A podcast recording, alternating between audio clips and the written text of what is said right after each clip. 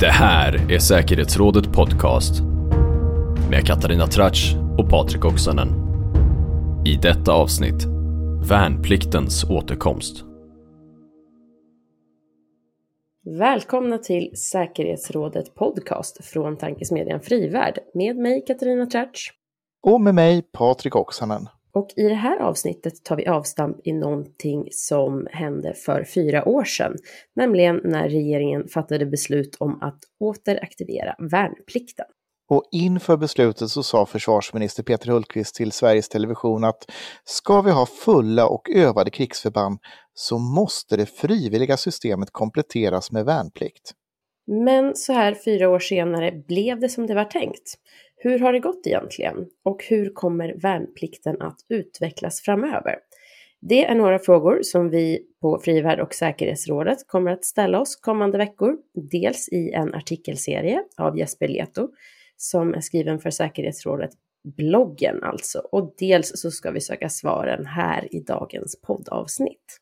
Och våra gäster, det är två som vet det här mycket bättre än de allra flesta.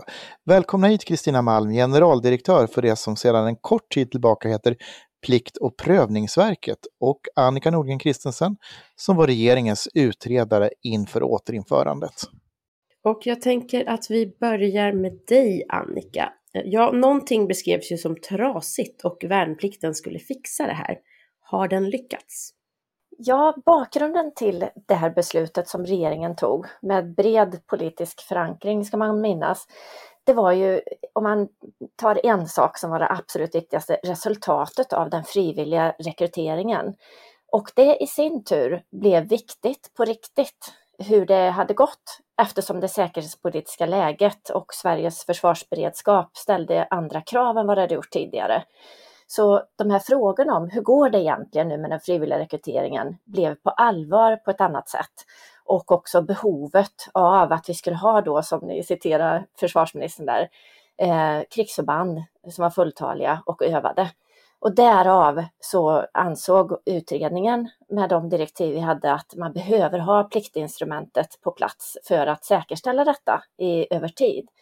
Och det, för att ta en liten siffra sådär som kan vara värt att påminna om så några år senare så var det så att man under perioden 2010 till 2015 bedömde Försvarsmakten att man behövde ha ungefär 4 000 in i systemet i den då frivilliga eh, utbild, grundutbildningen.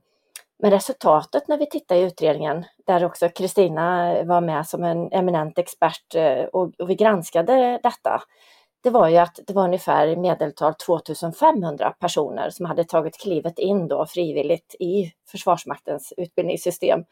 Eh, och det skapar ju en uppdämd eh, brist, ett, ett eh, underskott som växt över tid.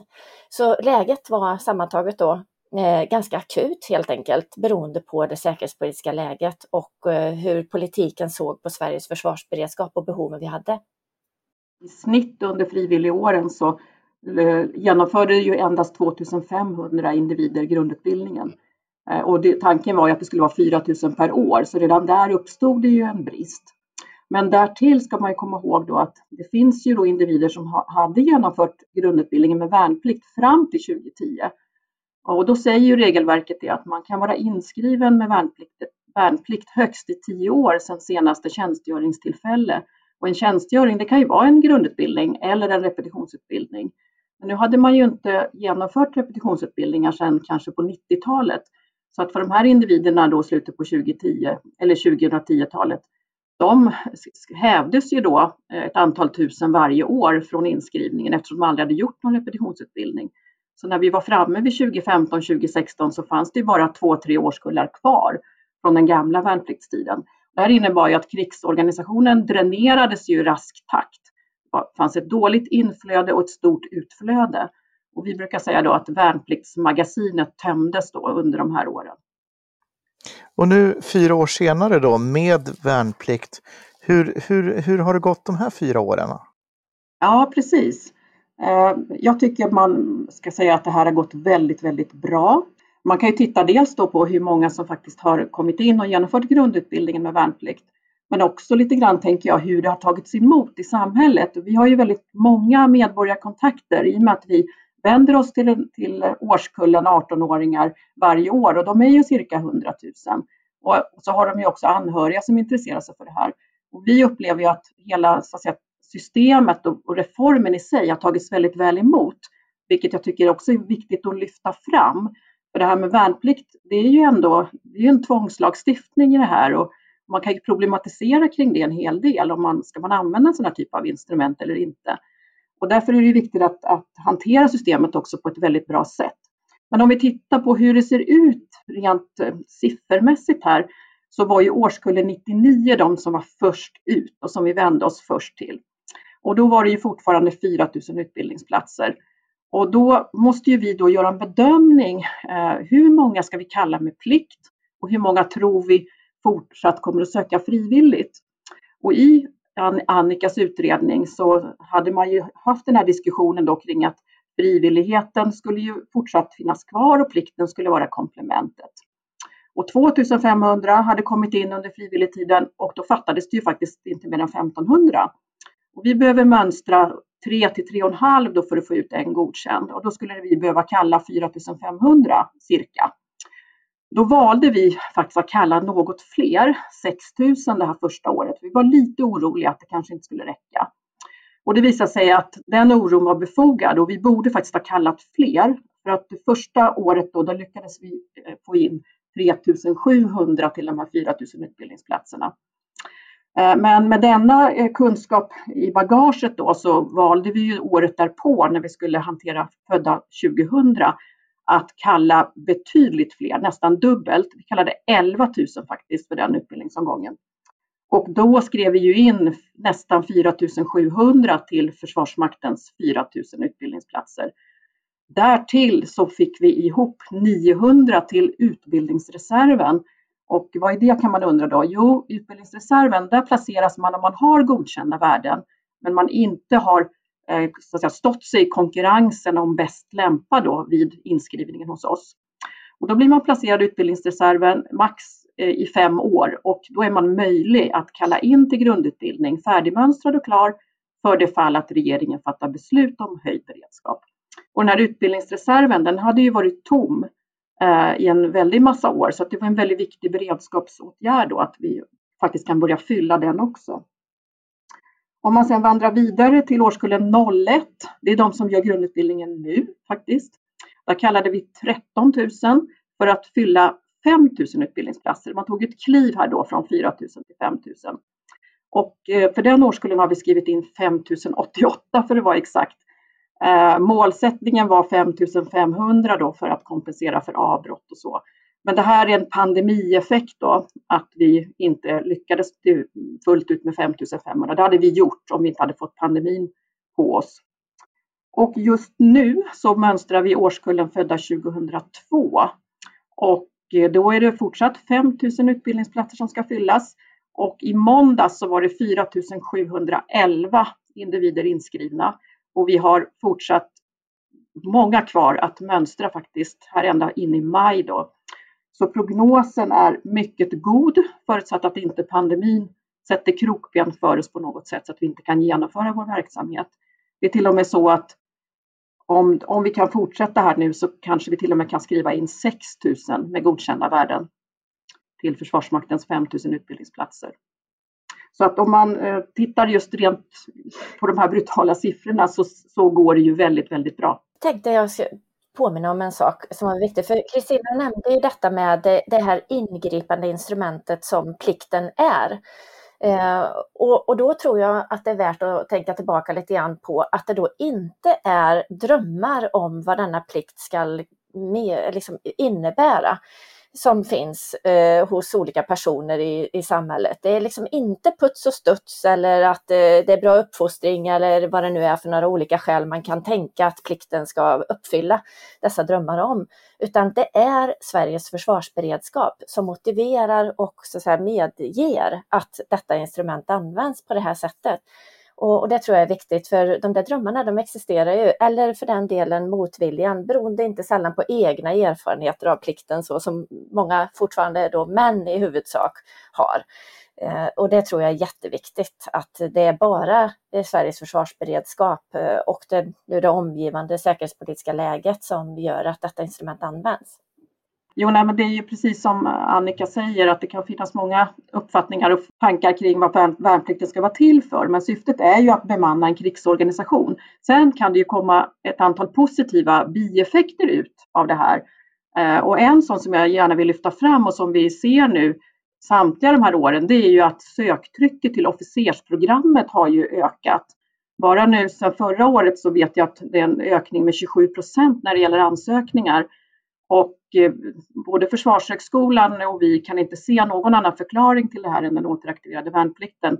Vi ser ju också i statistiken att det är, man kommer ofta direkt från en grundutbildning och så söker man till officersprogrammet. Så det är ju också väldigt glädjande med tanke på att eh, det är en, officersförsörjningen är ju en väldigt viktig fråga för Försvarsmakten. Det låter som att eh, ni båda uppfattar det här återinförandet som, som väldigt lyckat ökat och att det har gått över förväntan på flera håll till och med. Dels sett till antalet sökande men även den här bieffekten som, som vi kan misstänka till, till officersprogrammet. Eh, men vad är det då som har varit mer utmanande än ni trodde med att få det här på plats? Det var ju ändå en stor reform. Om jag får börja så får Kristina korrigera mig som har inifrån perspektivet i de myndigheter som verkligen då ska liksom bära fram det här. Eh, där, är ju, där var ju utmaningen från början och det konstaterar ju utredningen också att här jäklar mig eh, så kommer det vara hårda puckar för Försvarsmakten när det gäller produktionskapacitet. Men också eh, naturligtvis för Plikt och prövningsverket då, som ska kunna eh, växa i kapacitet för att eh, på mycket kort tid som vi faktiskt då beslöt att detta behövde vara på plats eh, och utvecklas vidare. Så där, där är fortsatt en fråga. Och där handlar det ju väldigt mycket om för statsmakterna, regeringen, ytterst och riksdagen i sitt ansvar att förstå att det här systemet, det är liksom en kedja där alla länkar måste vara resurssatta eh, och ha möjlighet då att bidra till att det här ska fungera. Det är eh, Kristinas myndighet, det är Försvarsmakten, det är Försvarshögskolan när det gäller officers utbildningen och det måste, eh, det hänger ihop. Och det är en förståelse som, det kanske fortfarande är en bit kvar att gå.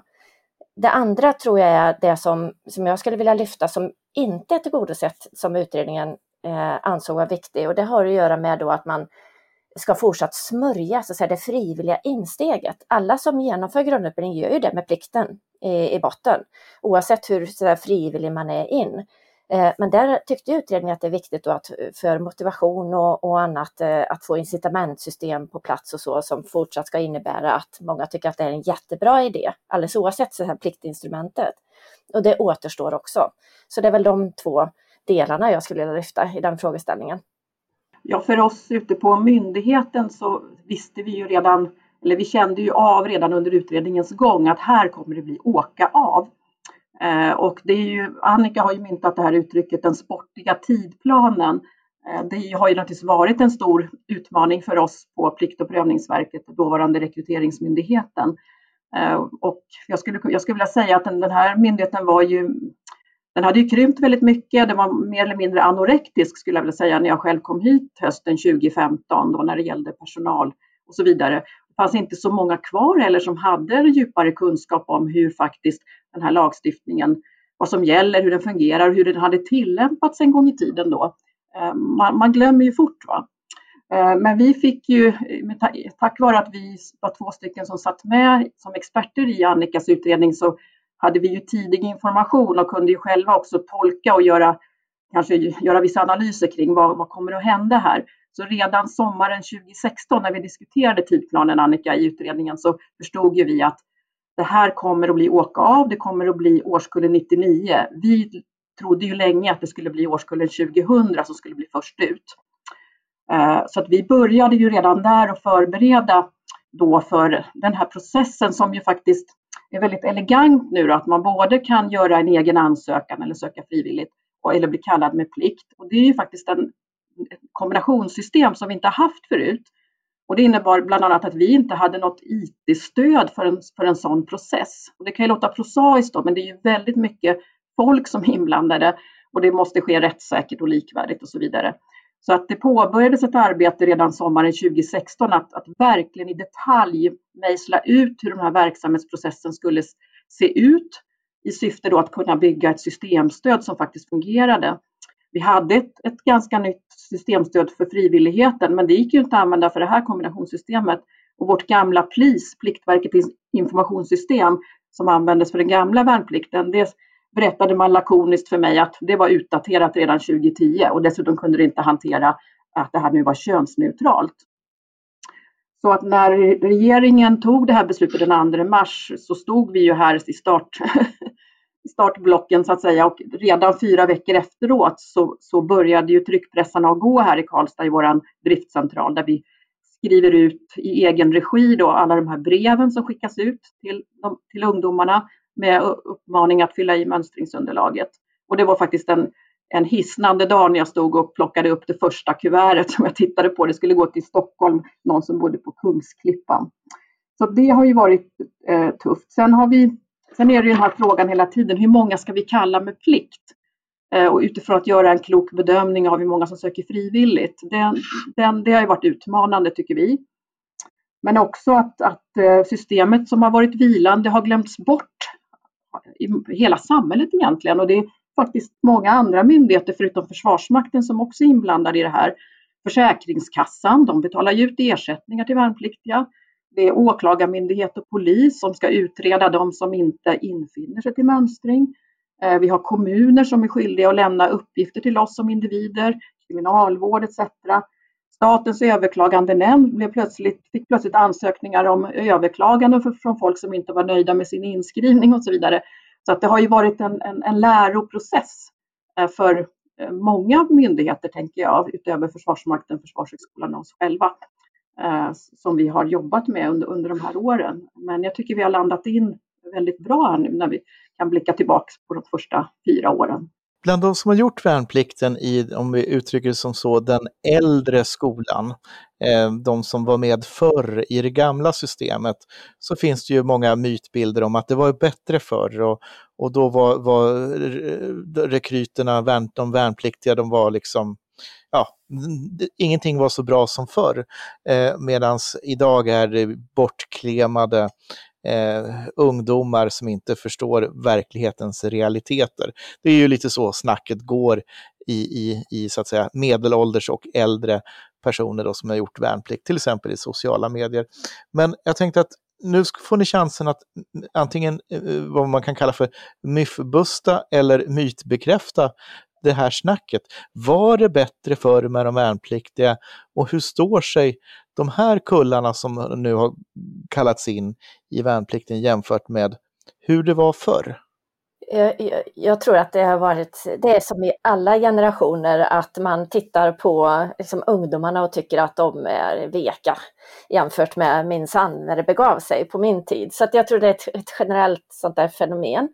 Eh, jag skulle, Kristina eh, kan berätta om de kvaliteten så att säga, på, de, på de värnpliktiga, men jag skulle vilja eh, lyfta också att erfarenheterna, apropå utbildningens kvalitet och, och då vad det innebär för de här som genomgår grundutbildningen med värnplikt, vad de säger till sina kompisar när de eh, är hemma, på, eh, hemma från utbildningen eller när de har muckat.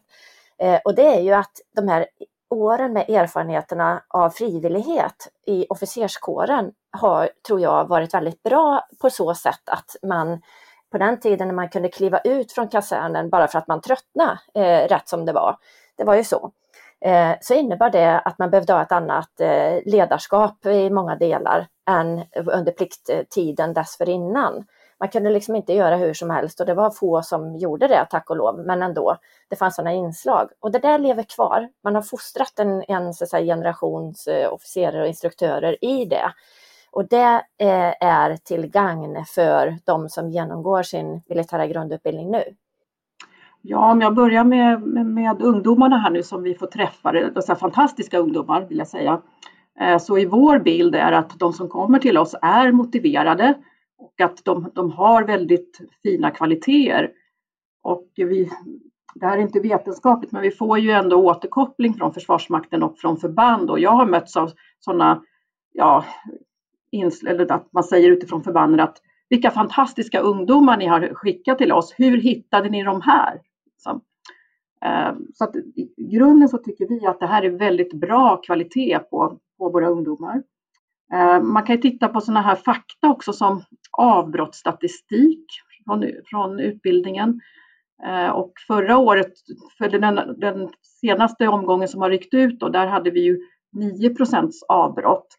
Och det här är ingen konstig siffra utan vi kommer aldrig komma ner till noll. Och man ska, det här kan man ju jämföra med på den gamla värnpliktstiden så kunde det här uppgå till nästan 15 procent. Och det här tänker jag är ju framförallt en eloge till Försvarsmakten som, som just har utvecklat sin förmåga till att genomföra grundutbildningen, men kanske också en del i hur vi då tar ut de här individerna, att vi, att vi lyckas att ta ut rätt person, bäst lämpad som det heter. Då, då. Och apropå om det var bättre förr, Annika nämnde ju just den fantastiska utveckling som Försvarsmakten har gått igenom då till att utveckla sin utbildning och så vidare och bemötande. Så den, den utvecklingen har skett även hos oss då på Plikt och prövningsverket. Eh, jag har hört från tidigare anställda här som jobbade som inskrivningsanläggare då på den gamla plikttiden att ja, då kanske man träffade 50 personer på en dag som inskrivningsanläggare och då finns det inte mycket tid för för något djupare samtal eller dialog eller möjlighet att svara på frågor, utan då är kanske frågan bara, ja, vill du vara gruppbefäl i Boden eller i Kristinehamn? Varsågod och skölj liksom. Och idag så träffar ju våra inskrivningshandläggare någonstans mellan 8 till 12 ungdomar per dag. Och då finns det ju en möjlighet att också föra en dialog, diskutera, förklara vad befattningar eh, innehåller, vad det betyder och vad det kan finnas för alternativ.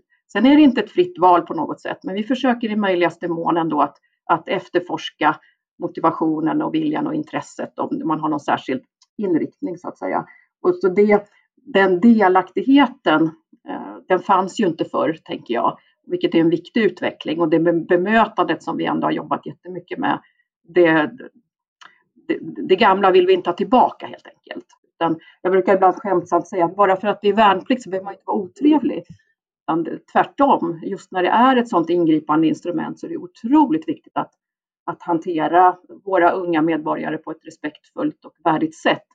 Så att vi över tid också bibehåller förtroende och tillit bland befolkningen för hela systemet. För jag tänker att det här, hela systemet vilar på det i grunden. Och där har vi, och min myndighet inte minst, ett extra stort ansvar för hur vi hanterar ungdomarna och hur vi hanterar systemet så att säga. Och om vi tittar på, på makroperspektivet, så i början av podden så citerade ju Patrik Peter Hultqvist inför regeringsbeslutet, om man tittar på syftet med den här reformen, att det skulle vara en komplettering för att ha fulla och övade krigsförband. Eh, jag tänker ni båda verkar väldigt nöjda med hur vi har, liksom, hur rekryteringen har gått och intresset och så vidare, men liksom det stora målet, eh, har det nåtts? Och då tror jag också att här så är hela grejen att alldeles oavsett vad politiken bestämmer om krigsorganisationen så möjliggör då pliktinstrumentet att få de här fulltaliga eh, krigsförbanden. Det, det är det som är kommunicerande kärl då till vilka, hur många som ska mönstras och, och skrivas in och så. Eh, men en del av detta, det var ju då detta med övade också, som du nämner. Och där är det ju en dimension som jag är lite bekymrad över. Det är ju detta då att man kan, vara, eh, man kan finnas kvar eh, i tio år efter senaste utbildningstillfället eh, då som totalförsvarspliktig, krigsplacerad. Eh, och det är inte tanken att man ska skrivas in utan att då ha gjort någon repetitionsutbildning eh, eller kopplat någon koppling till Försvarsmakten eh, för att förlänga den tiden. Eh, men det används så eh, lite grann. Eh, I december så beslöts det att eh, jag tror det var drygt 5000 värnpliktiga i personalreserven skulle liksom, utan då att ha genomfört repetitionsutbildning fortsatt ha en förlängd inskrivning då som det kallas. Och det är ju inte riktigt tanken. Tanken är just då att man ska repetitionsutbildas så att man kan vara kvar i, i krigsförbandet det kan oroa mig att just den då liksom övade krigsförbandsdimensionen i din frågeställning eh, inte riktigt är tillfyllest. Och det beror i sin tur naturligtvis på dels resurser och pengar och kapacitet. Men, men systemet är liksom tänkt att fungera på det sättet att man får göra sin repetitionsutbildning och, och kan liksom ha kvar sin placering. Ja, nej, men jag kan väl hålla, fylla, hålla med om att vi, hela systemet det, det, det kommer ju bidra till att vi får fulla och övade krigsförband här över tid. Vi är ju inte där helt och fullt än naturligtvis då, då. men eh, det, det, ju, det, det, kommer ju att gå om vi bara hanterar systemet rätt och även precis som Annika säger där använder också instrumentet repetitionsutbildning så att man faktiskt kommer in igen och eh, repeterar sina kunskaper och också får en förlängd krigsplacering. Då. Så det är otroligt viktigt att, att den delen i systemet fungerar och att det hänger ihop som kommunicerande kärl. Här. I vår serie så, som eh, dyker upp på bloggen Säkerhetsrådet så, så konstaterar arméchefen att det finns en spänning mellan tillväxten att upprätthålla de stående förbanden eh, och liksom i, i, för, för att klara av det här att både växa och, och kunna ha förband som står eh, redo att lösa uppgifter och att han gärna ser en ordning att man använder värnpliktiga för att lösa skarpa uppgifter. Eh, hur ser ni på det? Ja, om jag får börja så är min tolkning av eh, lagen om totalförsvarsplikt att ja, det kan man göra. Eh, och jag tror att det är kapitel 5, tredje paragrafen väl va? Där så regleras det just att, att det ingår i grundutbildningen och repetitionsutbildningen eh, att uppgifter som syftar till att upprätthålla Sveriges försvarsberedskap. Och det där blir då en tolkning, eh, tolkningsfråga, vad man anser är uppgifter då som är relevanta i förlängningen då i sin krigsplacering. Det är det, liksom krigstjänstgöringen, det är det det ska syfta till, att man har den förmågan och rätt utbildning och så för det. Eh, men där alltså så finns det ett, ett utrymme och vi kan också se historiska erfarenheter av att man har haft värnpliktiga då eh, att röja miner till exempel eh, i Baltikum. Om jag, jag minns inte exakt när detta var, men, men det finns exempel på att man har gjort det. Den andra frågan, det är liksom två olika delar här, det vill säga hur man använder värnpliktiga respektive anställd personal inför eller eh, innan höjd beredskap eller under höjd beredskap. Det är där diskussionen ofta handlar, det vill säga Försvarsmaktens egen handlingsfrihet.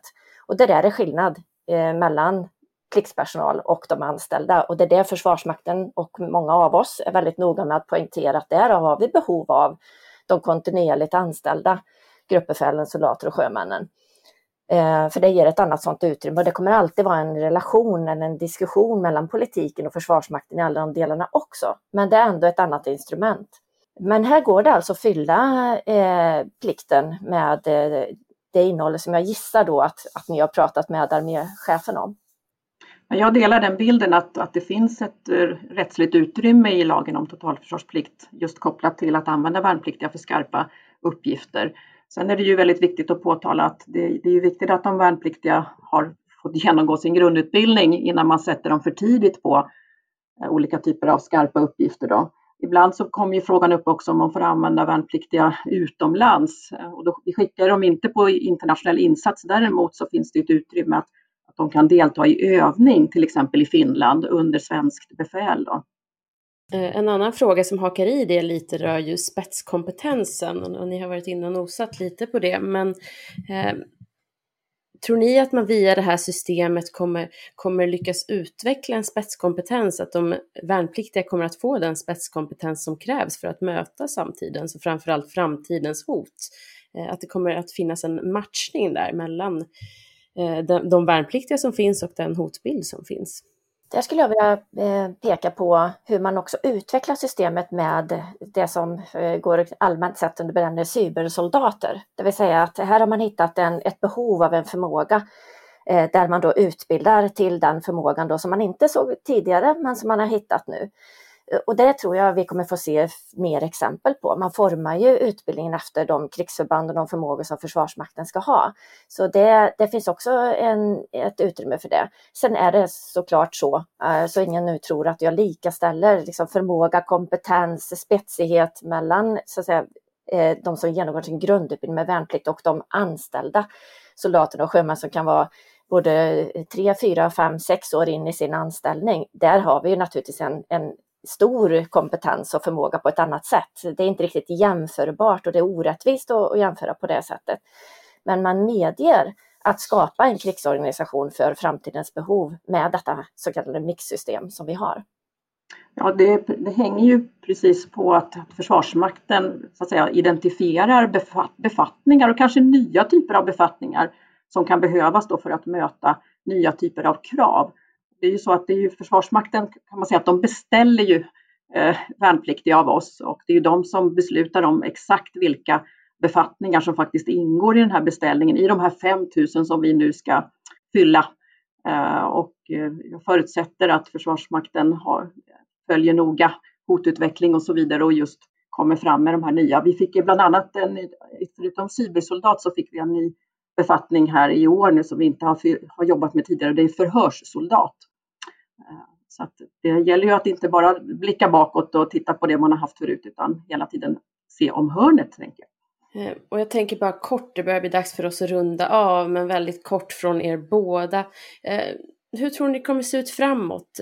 Hur många fler kommer vi behöva att kalla in och skulle vi behöva införa värnplikt också för att bemanna befattningar inom det civila försvaret? Vad säger du Kristina? Ja, det finns ju nu utklarat här i regeringens totalförsvarsbeslut hur grundutbildningsvolymerna ska utvecklas framöver. Och tanken är ju här, målsättningen är att senast år 2025 så ska 8000 genomföra grundutbildning med värnplikt. Så vi jobbar intensivt med att bygga, fortsatt bygga vår kapacitet för att just kunna nå det här målet. Eh, och vi har ju just idag också gått ut med ett pressmeddelande och informerat om att vi kommer att etablera oss i Göteborg och där eh, skapa ett tredje prövningskontor för att kunna klara de här volymerna som vi ska mönstra och pröva för att nå 8000. Och vi kommer ju att behöva mönstra 28 000 ungdomar för att fylla de här 8 000 utbildningsplatserna. Sen sköter vi annan prövning så totalt är det ju 40 000 prövningar inklusive polis. Det man kan, en intressant fråga här som man, som man ska observera tänker jag, det är ju apropå motivation. Det här är ju någonting som vi ställer frågor om i vårt mönstringsunderlag.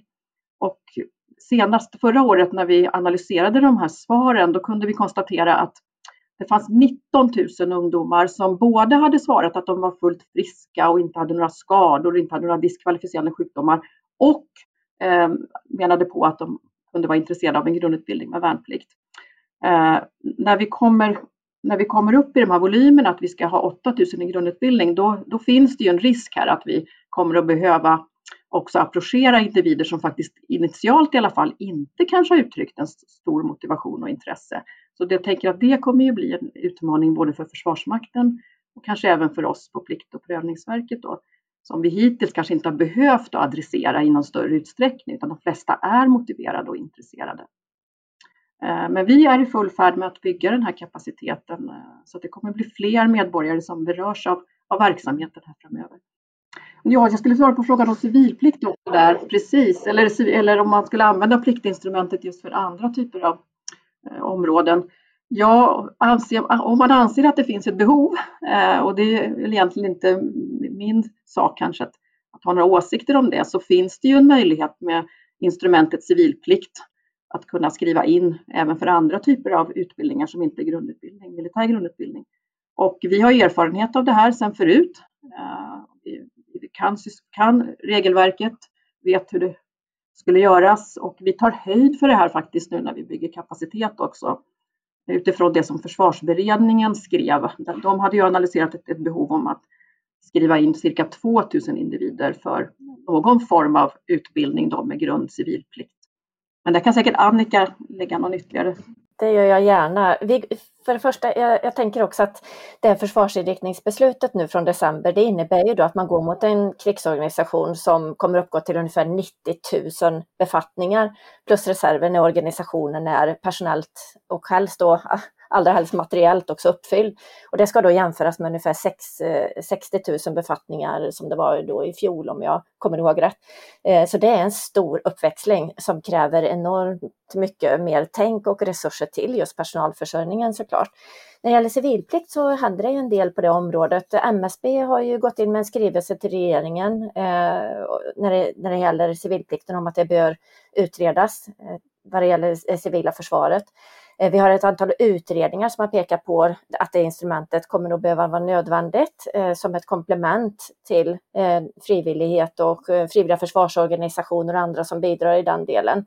Och sen har vi allra senast försvarsutskottet som gjorde ett tillkännagivande faktiskt då, om att man ville ha en utredning om civilplikt här i samband med behandlingen av totalförsvarspropositionen.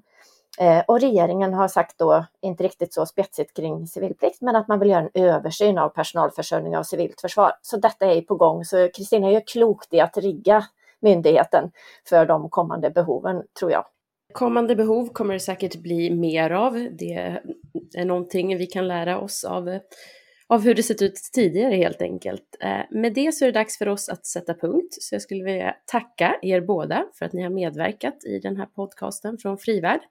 Eh, generaldirektör Kristina Malm och eh, Annika Nordgren Kristensen som utredde återinförd värnplikt för några år sedan. Och tack också till min medprogramledare Patrik.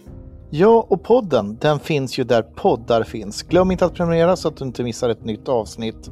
Rösten i inledningen tillhör Dino Ekdal som också gjort bearbetningen. Tack för att ni har lyssnat. Sverige är värt att försvara. Motståndet upphör aldrig. Det om något är en plikt att hålla fast vid. Ha det gott!